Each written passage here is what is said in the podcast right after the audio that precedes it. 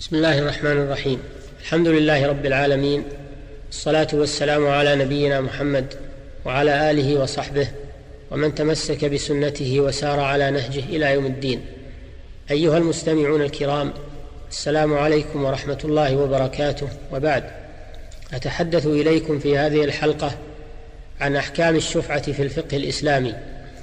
للحاجة إلى معرفة ذلك لأن الشفعة تعرض بكثرة في تصرفات المسلمين ومعاملاتهم فالشفعة بإسكان الفاء مأخوذة من الشفع وهو الزوج لأن الشفيع بالشفعة يضم المبيع إلى ملكه الذي كان منفردا.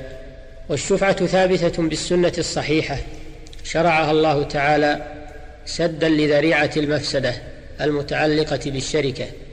قال الإمام العلامة ابن القيم رحمه الله ومن محاسن الشريعة وعدلها وقيامها بمصالح العباد إتيانها بالشفعة فإن حكمة الشارع اقتضت رفع الضرر عن المكلفين مهما أمكن ولما كانت الشركة منشأ الضرر في الغالب رفع الضرر بالقسمة تارة وبالشفعة تارة فإذا أراد بيع نصيبه وأخذ عوضه كان شريكه أحق به من الأجنبي. ويزول عنه ضرر الشركة ولا يتضرر ولا يتضرر البائع لأنه يصل إلى حقه من الثمن وكانت من أعظم العدل وأحسن الأحكام المطابقة للعقول والفطر ومصالح العباد.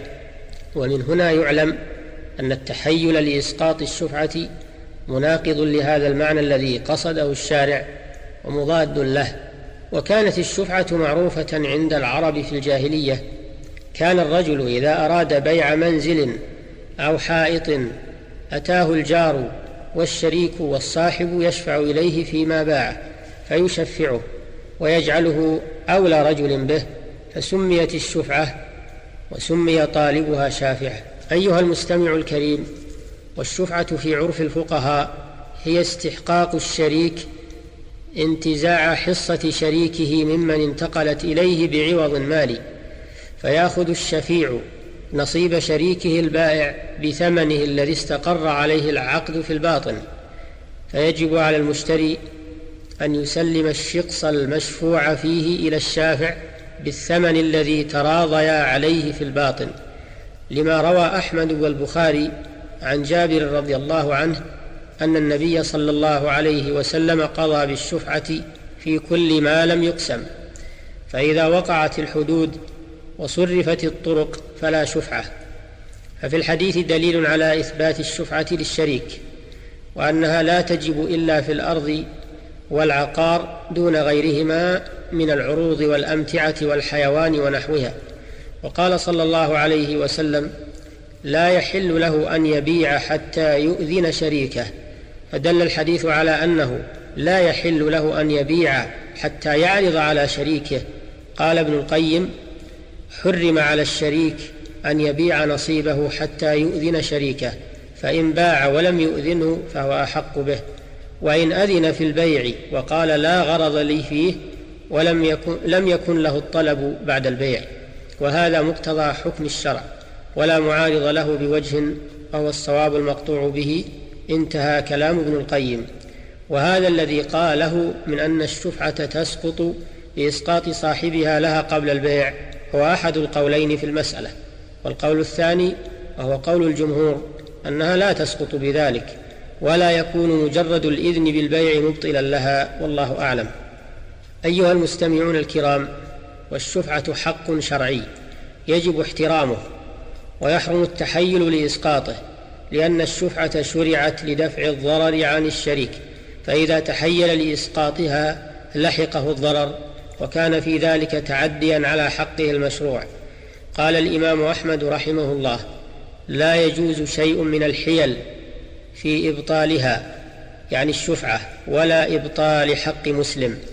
وقد قال صلى الله عليه وسلم لا ترتكبوا ما ارتكبت اليهود فتستحلوا محارم الله بأدنى الحيل.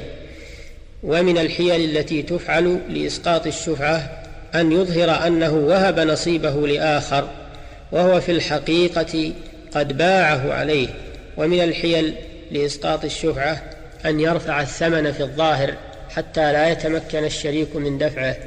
قال شيخ الإسلام ابن تيمية رحمه الله وما وجد من التصرفات لأجل الاحتيال على إسقاط الشفعة فهو باطل ولا تغير حقائق العقود بتغير العبارة.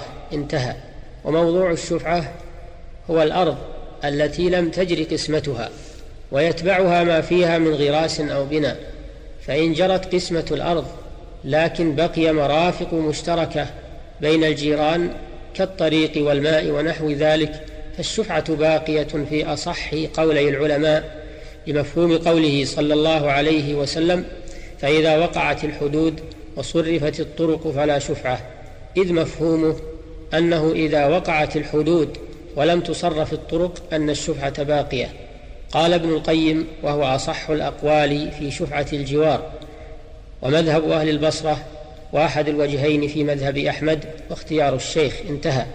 وقال الشيخ تقي الدين تثبت شفعة الجوار مع الشركة في حق من حقوق الملك من طريق وماء ونحو ذلك نص عليه أحمد واختاره ابن عقيل وأبو محمد وغيرهم.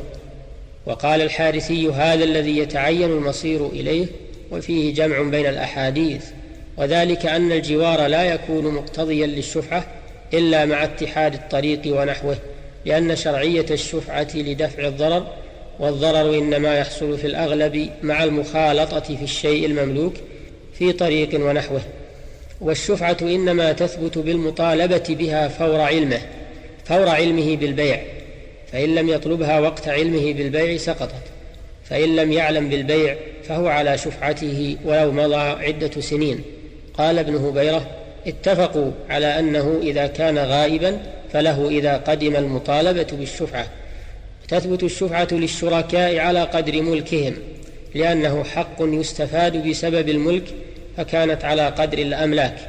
فإن تنازل عنها أحد الشركاء أخذ الآخر الكل أو ترك الكل لأن في أخذ البعض إضرارا بالمشتري والضرر, والضرر لا يزال بالضرر. أيها المستمعون الكرام وإلى الحلقة القادمة بإذن الله تعالى لنقدم لكم نوعا آخر من الأحكام الفقهية. والله الموفق السلام عليكم ورحمة الله وبركاته. والحمد لله رب العالمين وصلى الله على نبينا محمد وعلى آله وصحبه وسلم.